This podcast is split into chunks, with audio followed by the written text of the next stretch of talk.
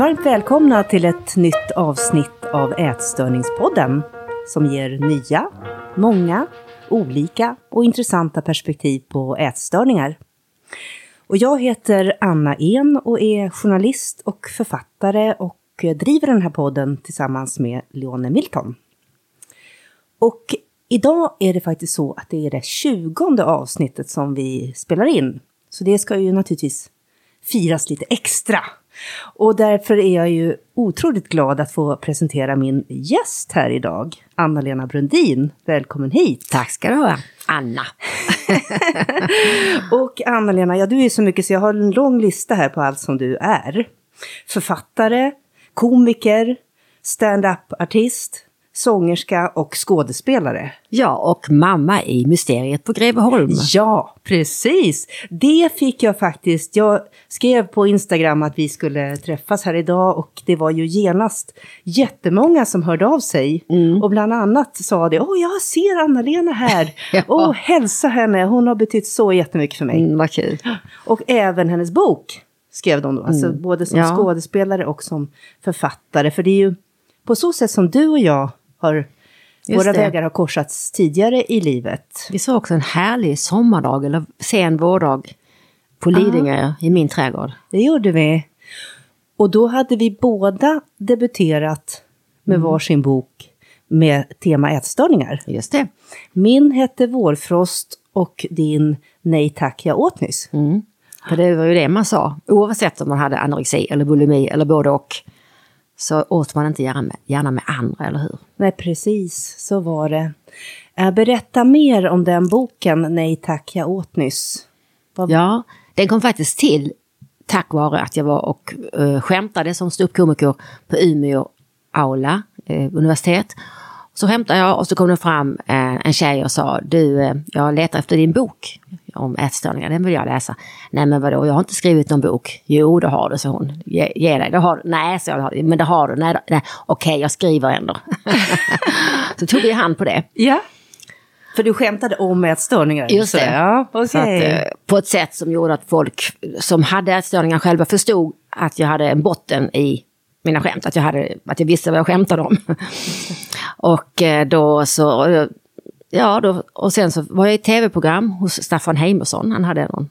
Så sa jag, jag har hållit på med en bok, jag hade inte ens börjat. Den heter, jag hade kommit på titeln, Nej tack, jag åt nyss. Så det, så. Och, sen, och då ringde Vasum och Wistrand och sa, den boken vill vi läsa. Nej, jag har, jag har, det var i huvudet till idén så länge. Alltså. Ja, men börja skriva. Okej, okay. så gjorde jag det. Alltså. Började med den här mardrömmen som boken börjar med. Att man blir uppäten av en... Att bullen jag äter blir en orm inifrån magen som bara växer i munnen. Vet. Mm. Just det. Mm. För huvudpersonen här då i, i Nej tack det är Anna-Lena. Ja. 20 år. Mm. Och Anna-Lena får de här ätrycken. Ätryck, ja precis. Ja. Det börjar med en svält, men så går hon ju själv, alltså kroppen går själv till kylskåpet och, och skåpen och tvingar i Anna-Lena mat kan man säga, de här ätrycken. Just det. Och de är helt hejdlösa.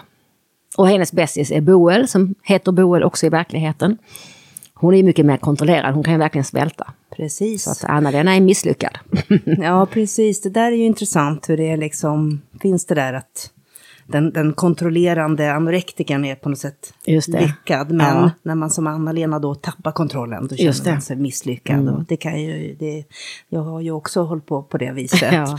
Misslyckad anorektiker. ja, ja, det är ju Boel och sen är det ju Karin. I Just det. Också. Hon var verkligen anorektiker och jag vet inte vad hon gör idag och hur hon mår idag. Nej, för det är en karaktär som som blir verkligen Hon var riktigt sjuk. sjuk. Ja, det, verkligen. Hon försvann ur, vi var ju en pantomimgrupp, en fysisk grupp. Och hon försvann från gruppen. Hon blev för svag helt enkelt. Mm. Mm. Just det. Sen är det ju en Jan med i boken också. Just det, som jag nu är sambo med. det är ju väldigt kul för att i berättelsen här så det kretsar ju en hel del kring Jan. Mm. Eh, Anna-Lena blir kär i Jan. Ja. Och eh, vill ju också bli smal och snygg. Mm. För Jan. För Jan. Mm. Eh, men Jan bor i Stockholm. Ja just det, för det utspelar sig ju i Lund den här berättelsen. Ja, i Lund. Och han är från Lund, upp, ja. uppvuxen i Lund. Men han är tre och ett halvt år äldre. Det är en väldig skillnad när man är 1920. Ja. Jag, liksom, han är nyss flyttat hemifrån till en liten, ja, en liten lya. Men han hade varit hemifrån i flera år och bodde i Stockholm och gick utbildning och sådär. Men du, när du, hur gammal, för när den kom ut då var du 35 eller något sånt där? Mm, det var jag nog ja. ja. Och när, så du, du var i, din, i 30-årsåldern när du skrev den? Ja. Mm. Hur var det att tänka tillbaka då och skriva utifrån 20-åriga Anna-Lenas perspektiv? Ja, det var väldigt roligt för att jag gjorde det mycket tillsammans med Boel. Det var ju så att jag hade alltid skrivit dagbok. Tänkte jag, men det är lätt, jag går till mina dagböcker. För där var det en massa vikttabeller och vad jag får äta, inte äta och sådär. Men de gav ju ingenting. Alltså det stod bara det. det imorgon ska jag äta så mycket. Nej, det gjorde jag inte. Satan också, hör då straffet blir, så gav man själv straff och sånt. Då. Men det är så hela tiden så att det gick inte att använda mer än kanske en gång eller två gånger i, i min så bok. Det blev lite tjatigt? Det har blivit väldigt tjatigt, oläsligt helt. ja. Men det stod inte var jag befann mig eller vad jag var eller vad jag gjorde eller vad jag tänkte. Så det fick jag börja återminnas tillsammans med Boel. Mm, så ni, hon hjälpte dig lite grann där då? Väldigt mycket, vi ja. ringdes varje dag. Jag läste upp mina bitar, så jag hade ett bollplank. Ah, fint, ja. jättefint. Mm. Jag läste ju, den, jag läste ju boken då eh, när vi träffades 95. Mm. Eh, och så läste jag om den nu inför vårt samtal idag. Och, och jag läste om din. Ja, det gjorde du. Mm. Ja. och det som slog mig var hur mörk den är. Ja. Alltså hur sorglig den är. Den, den är väldigt, väldigt rolig. Mm. Det är en, en, en, den är väldigt roligt skriven. Anna-Lena är väldigt slagfärdig. Mm. Berättaren är väldigt mm. slagfärdig. Mm. Boel är väldigt rolig. Boel är väldigt rolig. Eh, så det finns ju den här verkligen star starka humorn som ju är, den är slående. Men det, under det där så, så, så alltså Anna-Lena kämpar ju för ja. sitt liv. Mm. Och det tyckte jag, det kom fram för mig mycket, mycket starkare nu, den här, mm. när jag läste om den. Ja. Jag, jag, minns ju inte exakt Nej, hur, jag, hur det var när jag läste inte. då, men, men nu var det i alla fall väldigt påtagligt. Ja. Och jag, jag funderar på hur, hur du tänkte när du skrev den. Var det liksom givet för dig att du skulle skriva en rolig bok? Ja, det var det. Mm. För att eh, jag tycker det är lättare att vara rolig. Eh, alltså med sorgliga saker är det lättare att vara rolig, för då, då kan man eh, verkligen ta fram det riktigt, riktigt sorgliga. Om man, des, om man ska man säga, smörjer med att vara lite rolig. Svåra ämnen kan man ta upp med humor. Ah. Uh, tycker jag fungerar även i, i all litteratur. Och I sånger, jag sjunger väldigt mycket sorgliga sånger. Sång, sorgliga tangos och sorgliga Edith Piaf. Musiken gör att det går att ta de här berättelserna. Ja, men det, det, tror jag verkligen du har rätt i och det tycker jag också att jag har märkt på, som jag sa, att jag fick har fått så mycket reaktioner på att jag skulle träffa just dig. Mm. Och att många har också sagt det att åh, den där boken, den gick rakt in i hjärtat för den var både sorglig och rolig. Ja, och jag hoppas den kan ge hopp. Ja. Också att det finns, att det här behöver jag inte vara i hela tiden. Och, och, och sen när man skrattar, då får man ju upp det, då gör man ju det tillsammans med läsaren. Så får man liksom upp det till ytan så man kan se på sitt problem.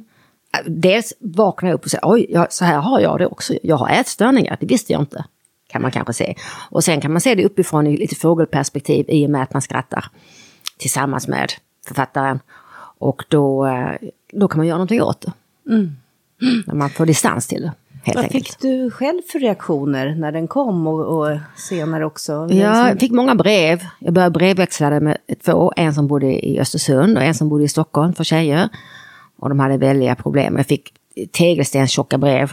Så jag svarade på till slut så kände jag, jag orkar inte det, jag hinner inte. Jag hade liksom hund och katt och barn och karriär och reste hela tiden. Så jag skrev till dem, kan inte ni skriva till varandra för ni är så lika? För det var de verkligen i sättet att skriva och sådär. Då började de skriva till varandra, vilket gjorde att de blev kära i varandra. Nej! och gifte sig och fick barn och allting. Så Nej. jag var vittne på deras bröllop och sådär. Mm. Fantastiskt, mm. vilken berättelse. Ja. Kul. ja.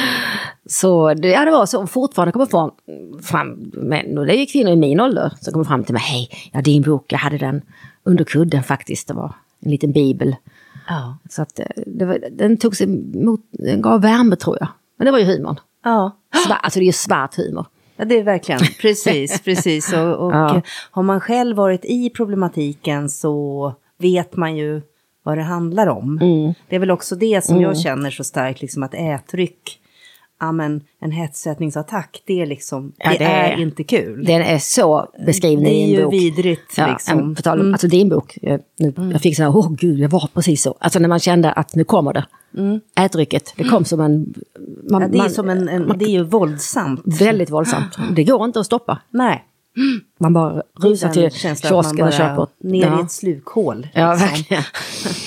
och eh, sen kräkscen, jag, jag, jag kunde bara kräkas, jag försökte en gång. Och det gick ju fel. yeah. Väldigt fel. Eh, så det, jag försökte bara en gång.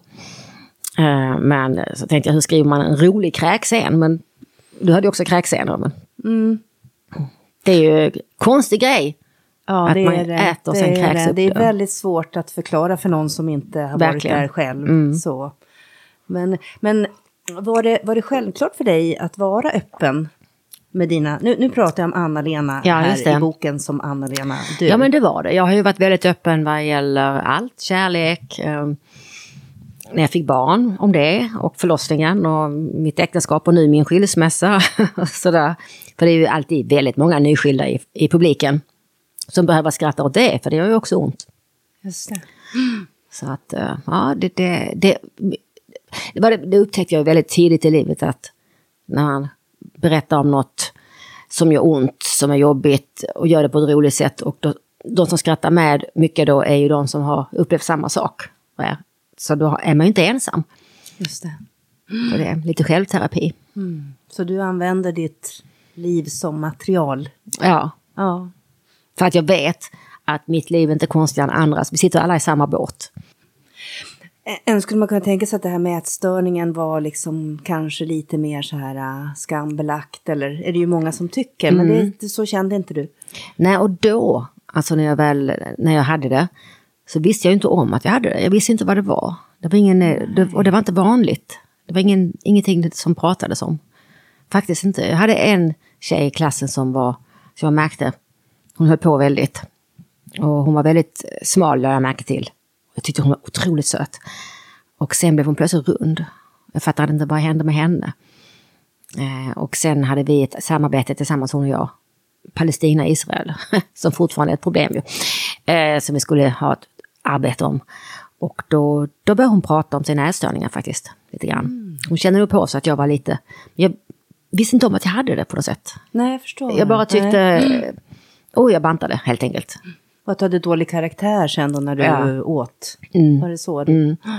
Och ja, som sagt, som mammas frysta bullar. Ja, doppa direkt i kaffet. Och.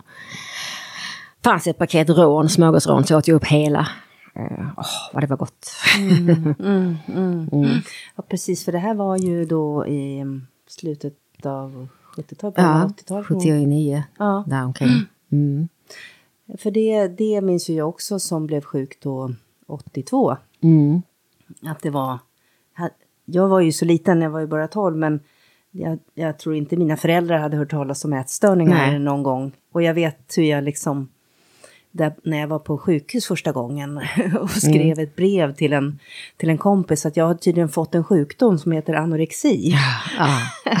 jag hade aldrig hört talas om det. Nej. Så att det, visst, det var ju tämligen okänt mm. då. Och föräldrarna blir väldigt handfallna. Verkligen, eh, verkligen. Det, det, min pappa han jagade mig med en köttbulle en gång. Jag sprang runt, runt. Man kunde springa runt, runt i vår lägenhet. bara, det, bara denna, nej, nej, nej, nej. Men han, vi förstod, varken han eller jag att... Och sen när boken kom ut, då sa min pappa, du har väl inte haft det? Alltså han, nej. Mm.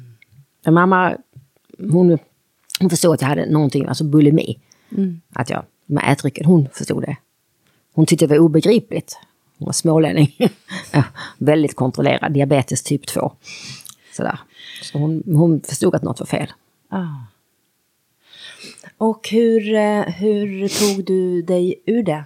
Man får ju en början i den här berättelsen, men var det så, alltså i slutet av Nej tack, jag åt mm, nyss. Jag, nyss där eh, går ju Anna-Lena till en psykolog, man anar en vändning. Ja. Var det så för dig i verkligheten? Så var det faktiskt. Um, det var en vändning, och det började med att jag tog körkort som jag inte hade lyckats med, lyckats med på hela tiden. Och jag fick lite ordning på en sak i taget grejen. Eh, och eh, så av, tog det mer och mer. Jag vet inte, jag bara märkte att det var länge sedan jag hade ett matdryck. Det blev längre och längre mellan matdrycken. Helt enkelt. Och sen när jag träffade min dåvarande man, var ju 87, hade jag inte alls.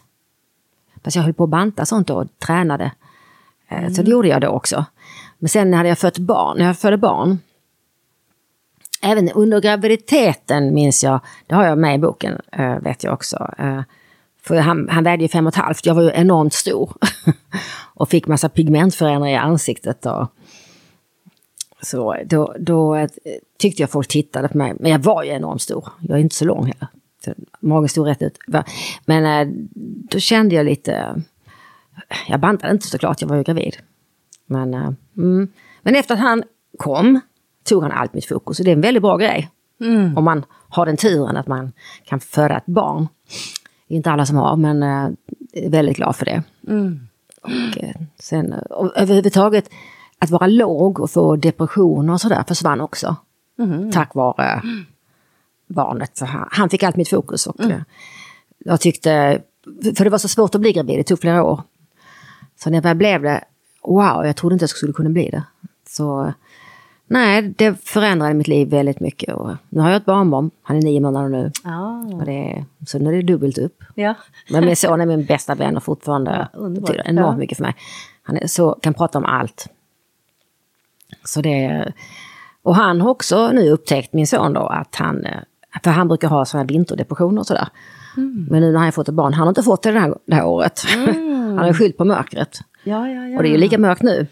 Men han märker ingenting. Aha. Så det är samma grej. Han har inte, man har inte tid helt enkelt. Nej, man har nej, inte nej, tid. Nej. Fint. Ja. Mm. Men och när du tänker tillbaka då på den här tiden och om vi ser på boken mm. nu, vad mm. känner du då? Eh, jag är glad att jag skrev boken. Och eh, jag hoppas, jag skulle, hoppas att eh, den kan göra nytta fortfarande. Det är därför jag skrev om den också. Mm, jag ville ja, ha den lite mer aktuell och ett tidsdokument. Jag kände att den boken kan inte bara försvinna. För att hur många har skrivit roliga böcker om ätstörningar? För det är ju ett sånt tragiskt ämne. Så jag ville att den skulle komma ut igen helt enkelt. Och, men då skrev jag om den för att jag ville ha lite bättre svenska. För att jag har skrivit mer sen jag skrev den lärt mig en hel del om perspektiv och sådant. Och jag ville ha mig, stavat mig istället för M-E-J som jag hade innan. Det hade, gjorde man ju då. Uh, och sen vill jag in den tiden, vad som hände runt omkring mig. För när man är ätstörningar så är man i en bubbla så man hänger inte med riktigt vad som händer. Om det är krig där och där och kärnkraft var det val om då och sådär. Jag, jag, såg det, jag såg det men jag tänkte inte på det. Nej. För, för det finns ju med, jag har ju nu läst äh, den här din mm. andra utgåvan Min, då kan man det. säga, eller den rev, något reviderade ja. utgåvan. Och den, för den kom ut för några år sedan bara? Ja, bara några år sedan ja. Mm. Mm. Och då läste du också in den som ljudbok? Var det så, eller? Ja, det var någon annan som läste in den. Jag okay. minns inte vem. Ja. Mm, Nej, men den är ljudbok. Men den finns som ljudbok, finns som ljudbok. Ja, det gör den. Kul! Ja men det var ju jättebra. Jag tycker det är härligt att man får göra så.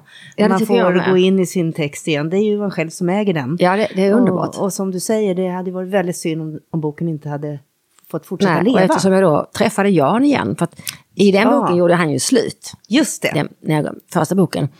Och, och det är väldigt konstigt att 33 år senare, sen dess han gjorde slut, att vi blir tillsammans igen. Men det är ju jätteroligt. det är ett väldigt lyckligt slut ju. Men du, hur gick det till då? Det var det, berätta. Ja, då eh, var jag precis eh, nyskild och var nere i Lund och eh, med en komikerfestival. Och där var han, han är också komiker och musiker. Så där var han. Och vi delade scen, så han var precis efter mig.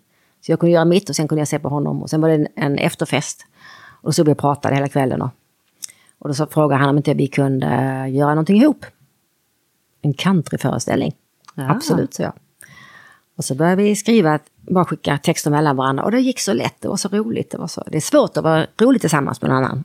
Det kan jag tro. Det är jättesvårt. Mm. Men kemin fungerade. Och jag kände yes, jag hade rätt. Jag skrev, det skrev jag i min dagbok, det var kvar 1981.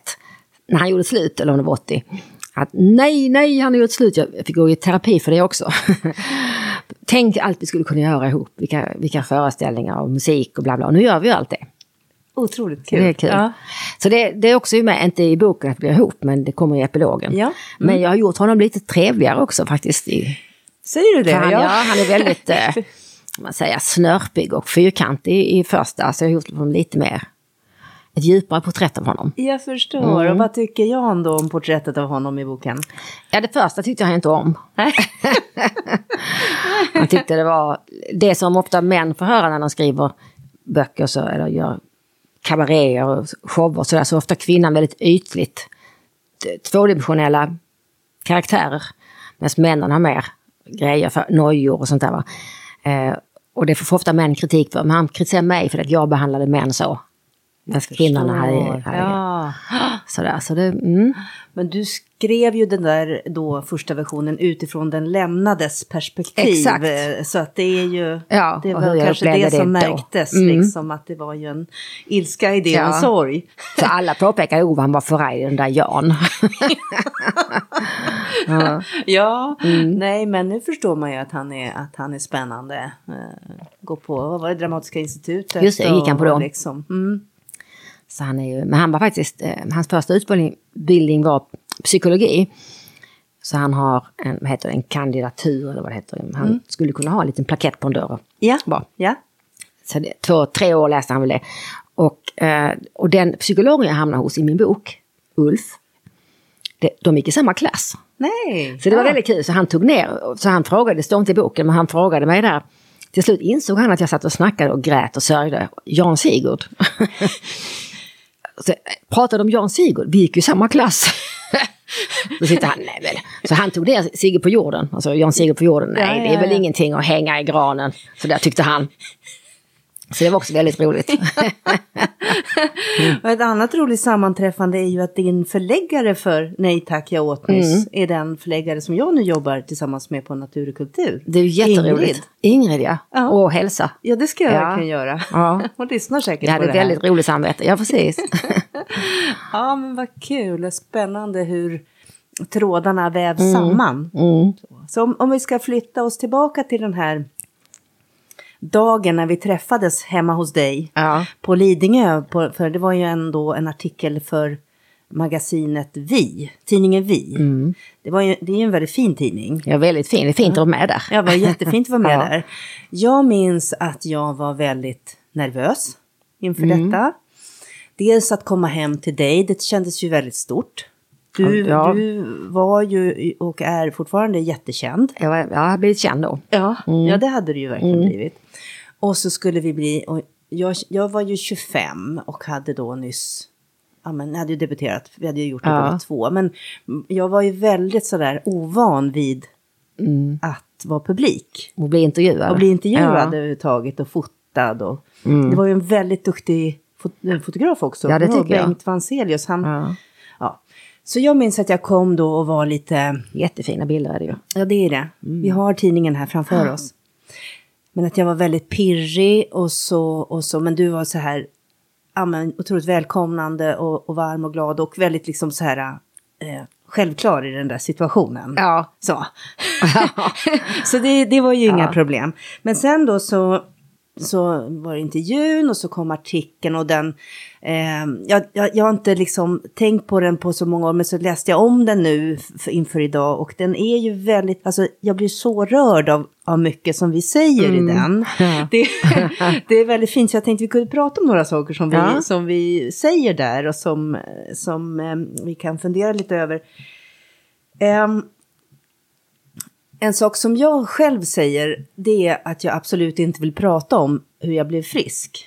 Mm. Så, eh, det låter faktiskt väldigt burdust i artikeln. Så. Ja. Eh, Anna vill inte berätta om hur hon blev frisk. Nej, vad konstigt. Ja, det verkar ju väldigt Så du konstigt. berättade inte om det? Som om jag döljer en hemlighet. Ja, precis. Vilket jag ju gjorde. Jaha. Därför att jag var inte frisk Nej. än. Nej. Där. Så jag, jag sa att jag var det. Mm. Men jag visste inte alls hu- hur man blir frisk. Nej. Så, för jag var fortfarande i sjukdomens klor. Mm. Dessutom var det så här att vårfrost handlar ju om en väldigt kort period i huvudpersonens liv. Ja. Sex månader bara, mm. ungefär, eller sådär ett mm. halvår. Själv hade jag ju då haft en väldigt lång mm. historia av både anorexi och bulimi. Mm. Och det hade inte jag någon lust att berätta om. Nej, jag nej. var liksom inte redo för att mm. göra det då. Och då blev det istället det här. Nej, jag vill inte berätta.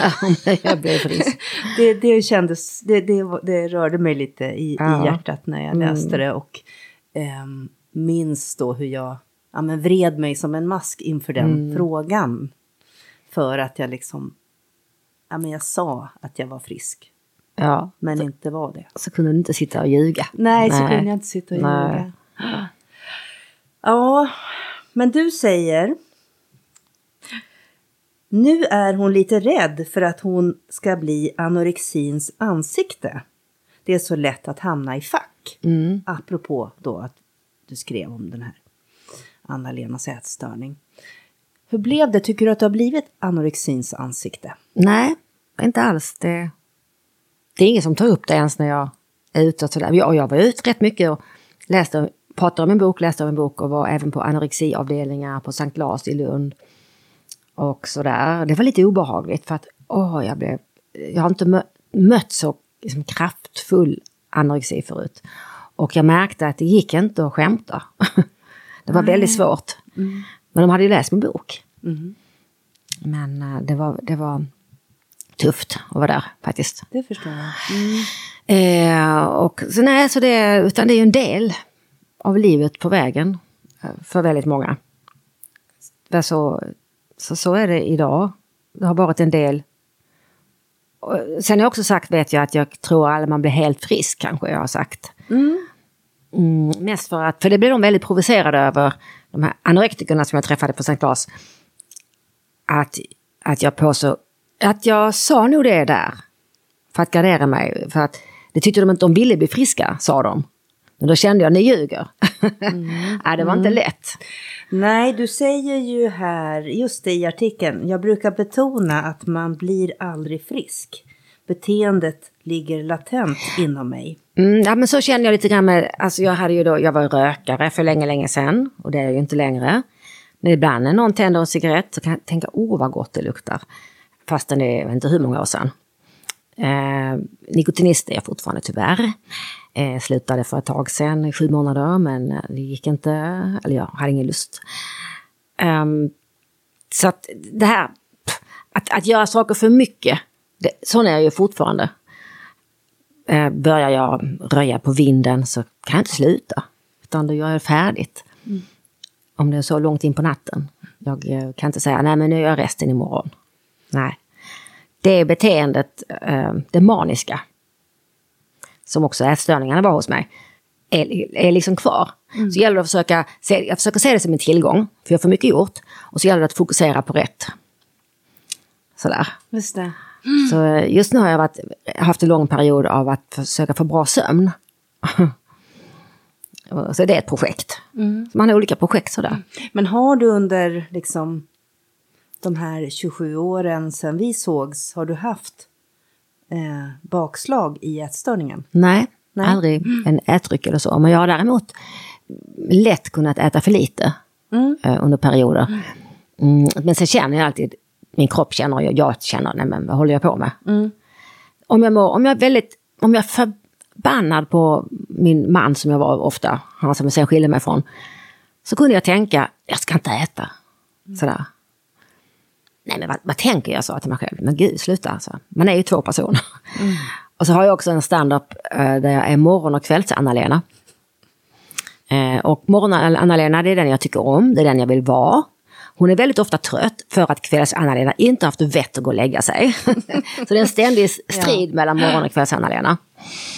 Och uh, just nu är det faktiskt, just nu har morgon-Anna-Lena och har länge haft övertaget. Så det är jag väldigt tacksam över. Mm.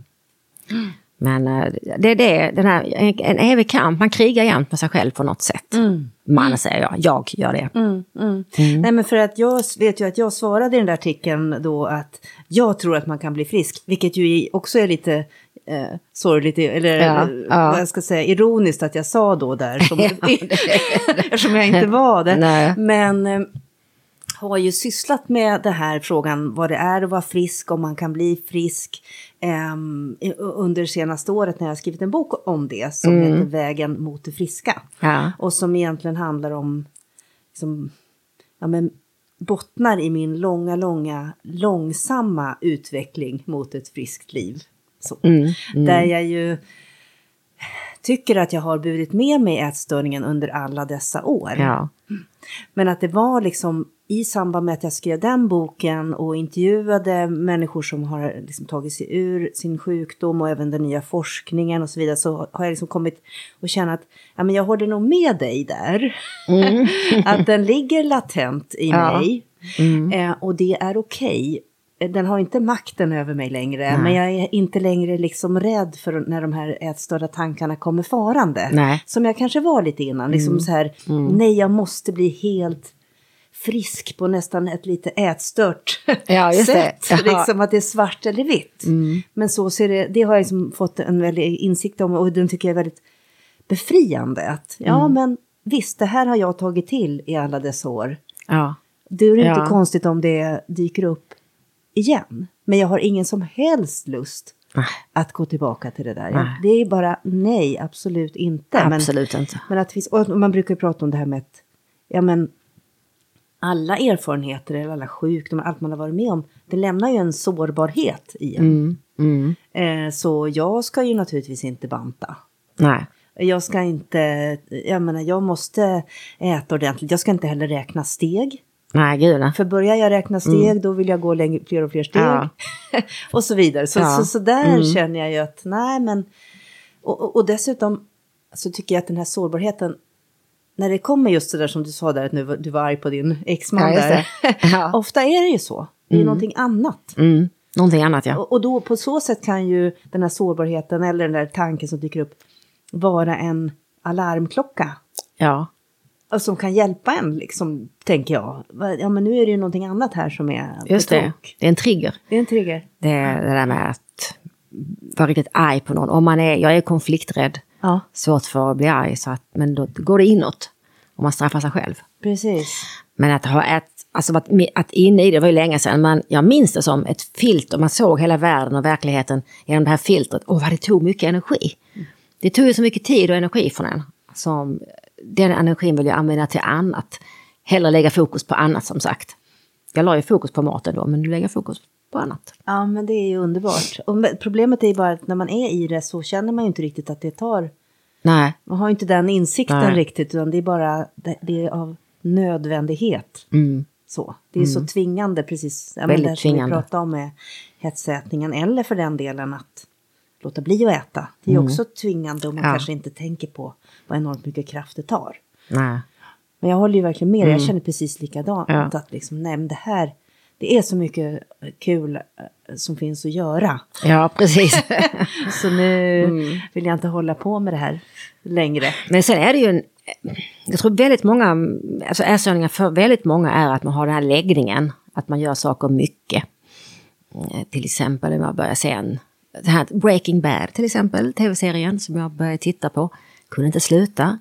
Så sista säsongen, fjärde säsongen, då började jag nio på morgonen och jag hade massa att göra egentligen, eh, som jag hade planerat att göra, kontor och sånt där. Men ingenting. Jag gjorde, såg ända till nio på morgonen till fyra nästa morgon. Såg hela säsongen. Jag hade tvättstugetid, rusa ner tvättstugan, vi sätter den på paus, rusa upp igen. Och jag åt direkt, jag har tvn i sovrummet, så jag åt direkt i sängen ur burken, makrill i tomatsås. Liksom, det var min middag. Yeah. Eh, för att jag inte kunde missa det här. Det, det är så typiskt mig. Mm. En riktigt bra bok, jag sträckläser. Jag läser väldigt fort, lika fort som jag pratar. mm. alltså, så du menar att du kan liksom inte göra någonting lagom? Eller? Nej, det är Nej. det som är så svårt. Ja. ja. Nu håller jag på det med alkohol faktiskt, för det var också alltså, i mitt jobb som, på, som artist, och på, det är alltid på krogen. Och så är man nervös innan gigget, det är alltid, det är fortfarande stand-up, för att jag har liksom inget manus, jag har bara, ja, vad säger jag, massa punkter. Jag lägger en patiens varje gång okay. av kort -huh. som måste gå ut. Ibland funkar inget kort och det är katastrof. Eh, om de inte skrattar. Eh, men efteråt så är det alltid då med kollegor, sitter man och dricker öl eller vin och går igenom kvällen och man är lättad och det är en belöning. Eh, och det har ju varit i hur många, all, alla dessa år helt enkelt. Och nu har jag insett att ja, då blir det ju, när man då inte giggar, då blir det så här gig. Då, är man, då firar man för att man är ledig. ja. Så det blir det ju så sett varje dag. Ja. Så att nej, nu har jag en, en hållit på nu i några månader med att eh, styra upp det där. Ja. Och det är bara vana. Dålig vana och blir lätt för man, ska, nu, man får tänka faktiskt, för det är ändå en drog. Det är som med mm. ätstörningar. Så det, nu, är det, nu är jag där. Och det är ju många som pratar om hur de liksom, så att säga, byter ett ja. beroende mot ett annat. Precis. Så, det är mm. ju det är ju inte ovanligt. Nej, att man istället alls. så att säga halkar, till, halkar dit på något ja. annat. Och det är ju mardrömmen att bli alkoholist för då får man inte dricka. Nej, det har du rätt i. Ja, ja kära någon. Mm. Mm. Men du, vi säger också väldigt roligt här i den här artikeln, avslutningen på artikeln, den låter så här. Eh, både Anna och Anna-Lena planerar att inte vara så duktiga den närmaste tiden. Hur gick det för dig? Ja, inte så himla bra tror jag. Jag måste ju vara duktig, inte inför andra så mycket som inför mig själv. Jag sätter ju alltid upp mål. Men nu har jag, varit, jag börjat simma till exempel. Och då har jag bara, simmar bara 500 meter per gång. Och nu börjar jag tänka, oh, men jag ska inte simma 1000 i alla fall. Nej, Anna-Lena, det räcker med 500. Ja. Ändå två, tre gånger. Morgon-Anna-Lena kommer in där Ja, det är morgon-Anna-Lena, den här kloka lite. vuxna människan. Ja. Och så är det bastun som är belöningen och så. Uh, men jag, jag, har ju producerat väldigt mycket och gör väldigt mycket och ska nu skriva två romaner snart igen. Uh, fått beställning för oss. Att, uh, som, men jag gör mindre standup nu. För det är för nervöst. Okay. Jag gör bara det när jag känner det är en trygg, här är det tryggt. Pensionärer till exempel. Blir du mer och mer nervös med åren eller? Uh, är det lika? Nej, men det, min, min kropp Uh, jag tror inte det själv, man tror inte det själv, man märker inte att man blir äldre i, i kroppen. Men den säger ifrån. Så att, uh, jag hade ju då eh, brustet hjärta som det heter. Det är alltså riktig, riktig stress. Långvarig stress. Det är ett gift. Så stress är kass. Så jag måste låta bli stress. Br vad då brustet hjärta? Berätta. Mm, brustet hjärta låter ju sådär, åh, det är kär kärlek. Och mm. Men det är, det är, en fysisk grej som händer med hjärtat. Så det, det är stressen som gör att hjärtat, eh, ena vänstra kammaren blir plötsligt hård och mindre och tar inte in, jobbar inte så man får för lite syre. Man får näst, det är jättesvårt att andas och gör jätteont. Och det är samma ska man säga, som hjärtinfarkt, exakt som hjärtinfarkt, samma symptom, allt som händer. Men det är ingen hjärtinfarkt, så det blir inga R. Utan hjärtat återgår sen till sin normala form efter några månader. Eh, det heter takotsubo som betyder bläckfiskfångare på japanska. För det får form av en sån vas som japaner fångar bläckfiskar i. Jaha. För det var en japansk läkare som hittade det här. Jaha, det låter jättehemskt. Fruktansvärt ja, otäckt måste det ha varit. Ja, det är det för det känns som hjärtinfarkt. Det gör jätteont. Mm. Mm. Och jag var inlagd i, i fem dygn och de, man var tvungen att vänta på magnetröntgen och bla bla bla. Men så hittade de, nej, det var ingenting. Första gången, det här var andra gången jag fick det, nu i september. För, för fem år sedan fick jag det också. Ah. Också en stresssituation. och då trodde de att det var, de var helt hundra på att det var hjärtinfarkt. För det var Takotsubo, liksom anorexi var okänt, så det är det ganska okänt ah, fortfarande. Ah, ja, jag hade aldrig hört talas Nej, så de, de, jag skulle in på sån där ballongsprängning. Kontraströntgen sprutade mig in och allting. Och, det gjorde också jätteont. Men så var det ju ingenting. Det var inga förträngningar någonstans. Va, vad konstigt, varför har du hjärtinfarkt utan att ha hjärtinfarkt? Jättekonstigt. Men det var då brustet hjärta heter det ju, broken heart, Takotsubo. Mm, mm. På grund av stress alltså? Stress ja. Så att nu får jag inte helt enkelt. Jag fick ett papper från en läkare som förbjöd mig att göra något som, alltså adrenalinhöjande, inom tre månader.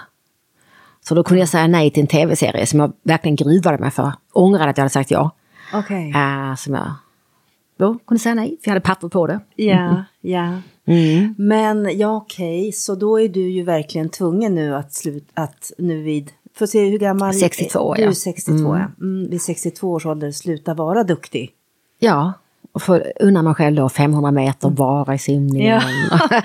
Även om jag brukar ju försvara det här med att vara duktig. Ja. Alltså ibland så ja. jag kan jag ibland också känna så här att nej men jag jag, för, jag förstår ju eh, vad man menar med mm. alltså att man är mm. överdrivet eh, ja. ambitiös eller man, man tar, man är man är så hård mot sig själv. Att man, mm. Den delen, men att vara ambitiös och vilja mycket och, och tycka att det är roligt. Och det är också driva, härligt. Det är också härligt. Ja. Så att, och ibland kan jag uppleva hur andra snabbt vill lägga på och säga, ja men du är ju så duktig, så det blir ja, nedtryckande så här. Mm.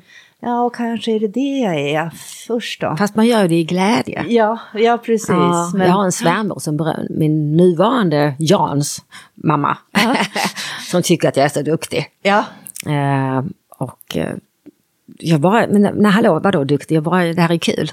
Ah. Inredning, snickra själv, jag älskar att snickra och sy och fixa och dona och på den lilla fritid jag har. Ja. Så jag blir manisk på det. men men nu, nu kommer jag tillbaka till ätstörningarna igen, som jag är så mm. intresserad av det. Eh, I, I ditt liv idag, ja. då har du ingenting av det just så här liksom som du känner? Eller är det det här att det kommer? Det kommer och går. Eh, jag har haft en period nu faktiskt. Eh, jag fick för mig att jag har diabetes typ 2. Och det fick jag i och med skilsmässan. Det, för det tog jag väldigt hårt. Och då, om man har det latent, eh, som vi har det i släkten, så blommar det ut då. Men den är väldigt light, light fortfarande. Men min diabetesläkare tycker jag ska äta ett och ett halvt kilo frukt om dagen. det är väldigt mycket. Ja. Men det gör jag världens fruktsallad på morgonen. Och då blir jag intresserad, alltså inspirerad av det och av mig själv. Och, och då ska man ha lite nötter, för det är bra för hjärnhälsan. Man inte får Alzheimers. Och en matsked olivolja. Och den här fruktsalladen. Och sen, och i och med att jag styrde upp det, så blev det med allt. Mm. På något sätt. Och då känner jag igen den gamla anorektikern eller matmänniskan. Sådär och börjar gå ner massa i vikt. Eh, I och för sig så mår jag väldigt bra nu med den vikt jag har. Så att, jag vet inte vad jag väger men jag vet, eh, jag känner det på kläder och allting sånt där. Eh, men då blev min, min Jan då, han såg att jag blev smalare. Vad, vad håller du på med? För han har ju läst min bok Nej tack Och sådär, då känner jag mig nästan, ja du vet, eh, som att man gör någonting i smyg. Uh -huh. Lite så, men jag är ju öppen med att jag äter den här frukten och Ja. Nu har jag inte gjort det på, på ett, ett tag för jag bor hos min son här i Stockholm. Då blir det bara en banan om dagen. Just det. Han kan inte släppa hem dessa mängder med frukt. Inte. Nej, Melon Men det är ju väldigt intressant ändå att det är så pass enkelt nära. Mm. Ja, så enkelt att sätta igång mm. när man börjar hålla på. Mm. För att vad jag har i mitt liv är ju att jag har ett oregelbundet liv. 100 procent oregelbundet. Jag har inga rutiner. Men nu har den här frukten blivit en rutin och det triggar igång mig. Eh, jag har alltid bara ätit när jag kan äta. Om jag bor på hotell, ja då är det hotellfrukost. De kanske har stängt den för jag sov för länge. Eh, det är liksom ingen ordning. Men det, min ordning har varit att det inte är någon ordning. Inga rutiner, inga träningsrutiner, ingenting sånt. Men nu, eftersom jag också har mer tid, så har jag lagt in simning två gånger i veckan till exempel. Det har jag inte haft heller förut. Och då blir jag på så gott humör. jag kan ha rutiner. Ja, men det tre gånger, jag blir lite väl duktig faktiskt. Ja, mm. ja men som sagt det där, det, det är ju väldigt lätt så fort man börjar räkna. Ja. Eh, mm. så kan det där, tycker jag, spöket vakna till liv och mm. tycka att det här var ja. toppen. Ja. Nu, titta nu hackar Anna-Lena äpple här. Och Just det. Det ska mm. nog komma in i. ja, nej, men det är så lurigt är det ju så lömskt. Och så sitter jag och njuter enormt av det här. Ja. Åh, oh, jag tycker det, frukten sprängs i munnen. Och påpekar det hela tiden, sitter och snackar högt om det. Störig man är. Ja. ja. ja, men så att det, du, du har det där som sagt, skuggan finns där. Men ja, du, den finns där. Men du är medveten och, och som tur är har Jan läst boken. Ja. Och det, så det. han är på sin vakt. Ja, det är bra. Plötsligt har jag bara en potatis istället för två och sådär. I och med att jag är inne i det här med frukten och ah, regelbundenhet och, och så. Mm. Mm. Så det finns där. Uh, men det, jag skulle aldrig orka vara i det igen. Nej. Så som det var då. Nej. Absolut inte. Mm. Ja, och vad sa du nu? Ähm, beställning på två manus, sa du det? Bokmanus. Ja, precis. Berätta om din framtid här. Jag har ju skrivit en bok tillsammans med Jan. Sig, Jaha, Sig kallar jag honom. Den. Jan. Den heter Anki åker till Las Palmas. Och kvinnan Anki är 62 har precis blivit änka, är frisörska i, frisör säger man numera, i Hallsberg. Hennes bästis Rosmarie tre år äldre och jobbat på demensboende för äldre. Jag jobbade nämligen på demensboende för äldre under pandemin. Ja, gjorde jag. Just det. Eh, mm. Det var jättehärligt att få återkomma. Du hoppade in då när dina föreställningar allt ställdes in. Just det. Mm. I slutet av mars ställdes mm. allt in. Mm. Och då ringde jag första april, kändes som ett aprilskämt, till Malmö stad. Kan jag komma och jobba inom vården? Ja, du är så välkommen. Jag gå en kurs och sen så gå, gå bredvid och sen fick jag börja direkt. Och eh, jag var där ett helt år faktiskt, så det var oh, ett sånt slit det att jobba. Mm. Verkligen fysiskt och psykiskt. Och roligt också. Man, jag har det fortfarande inom mig. Mm. Alltså tänker ofta på dem. Ja. Om de boende, det heter brukare, men det tycker jag är fult ord. Men de boende där, de som ja. bodde där. Mm. Eh, vad skulle jag säga? Jo, men då, eh, han, så därför är Rosmarie, man gräver där man står, jobbar så. Rosmarie är en riktig partypingla. Varken Anke eller Rosmarie har barn. Och Anke har precis blivit änka. Så istället för att sitta och sörja hemma i Hallsberg första julen så övertalar Rosmarie Anke att följa med till Las Palmas där Rosmarie har varit sju gånger. Och Anke har aldrig rest mer än en gång till Teneriffa när hon var ung med sin man. Så att, och så händer det massa där, det förflutna kommer ikapp. Mm. Mm. Är, det, är det en feelgood-roman? Ja, det är feelgood. Ja. En humoristisk feelgood. En humoristisk feelgood. Med ja. svart humor. Mm. Mm. Och det handlar om vänskap väldigt mycket. Mellan två kvinnor. Eller vänskap överhuvudtaget. Det behöver inte vara mellan just kvinnor, det kan vara vilka människor som helst. Mm. Mm. Så, eh, och utveckling. Av personlig utveckling helt enkelt. Och, det, och den kom ut på Nossas då nu i oktober. Och, och, hon läste in den, vad heter hon, eh, Mia Klara, Klara Simmergren. Ja, ja. Så ja. bra hon läser. Ja, ja, ja, Hon får jättemycket beröm av läsarna. Eller lyssnarna. Så eh, då ville de ha en uppföljare. Det hade vi redan en idé om. Men de beställde två uppföljare. Okej. Okay. Wow. Så det är bara att sätta igång. Ja. Men det, ja, nu har du ju berättat om det här och också så att det blir lite de, som, eh, måste som det, det var då när du skrev Nej tacka åt nyss. Så nu har du lovat det så att ja, eh, och, och nästa, hem och jobba. Det här var ju Anke åker till Las Palmas, nu blir det Anke åker till Paris. Ah, spännande. Mm. Spännande. Jag, jag, måste bara, innan vi avslutar här så vill jag ju läsa upp några av de hälsningar till dig som jag mm. fick på Instagram. Kul! Här till exempel. Anna-Lena och hennes bok och skådespeleri har betytt väldigt mycket för mig. Så ett tack! Tack för att du tidigt lyfte en fråga som jag kan tänka mig var ännu mer tabubelagd då än idag. Det var det nog. Apropå nej tack jag åt nyss. Mm. Det, och det är ju sant, för det även om det fortfarande eh, kan säga behövs fler berättelser så, ja. så var det ju, fanns det ju inte så många då. Nej, det, alltså det var ju, jag upplevde det pinsamt att inte ha koll, att inte ha kontroll över en sån enkel sak som att äta. Mm. Man måste ju äta. Mm. Ja, visst. Mm. Ja, det var pinsamt. Men Anna-Lena Brundin, då får jag tacka så hemskt mycket för att du gästade Ätstörningspodden. Tack för att jag fick komma. Kul att träffa dig igen. ja, detsamma. Hej då.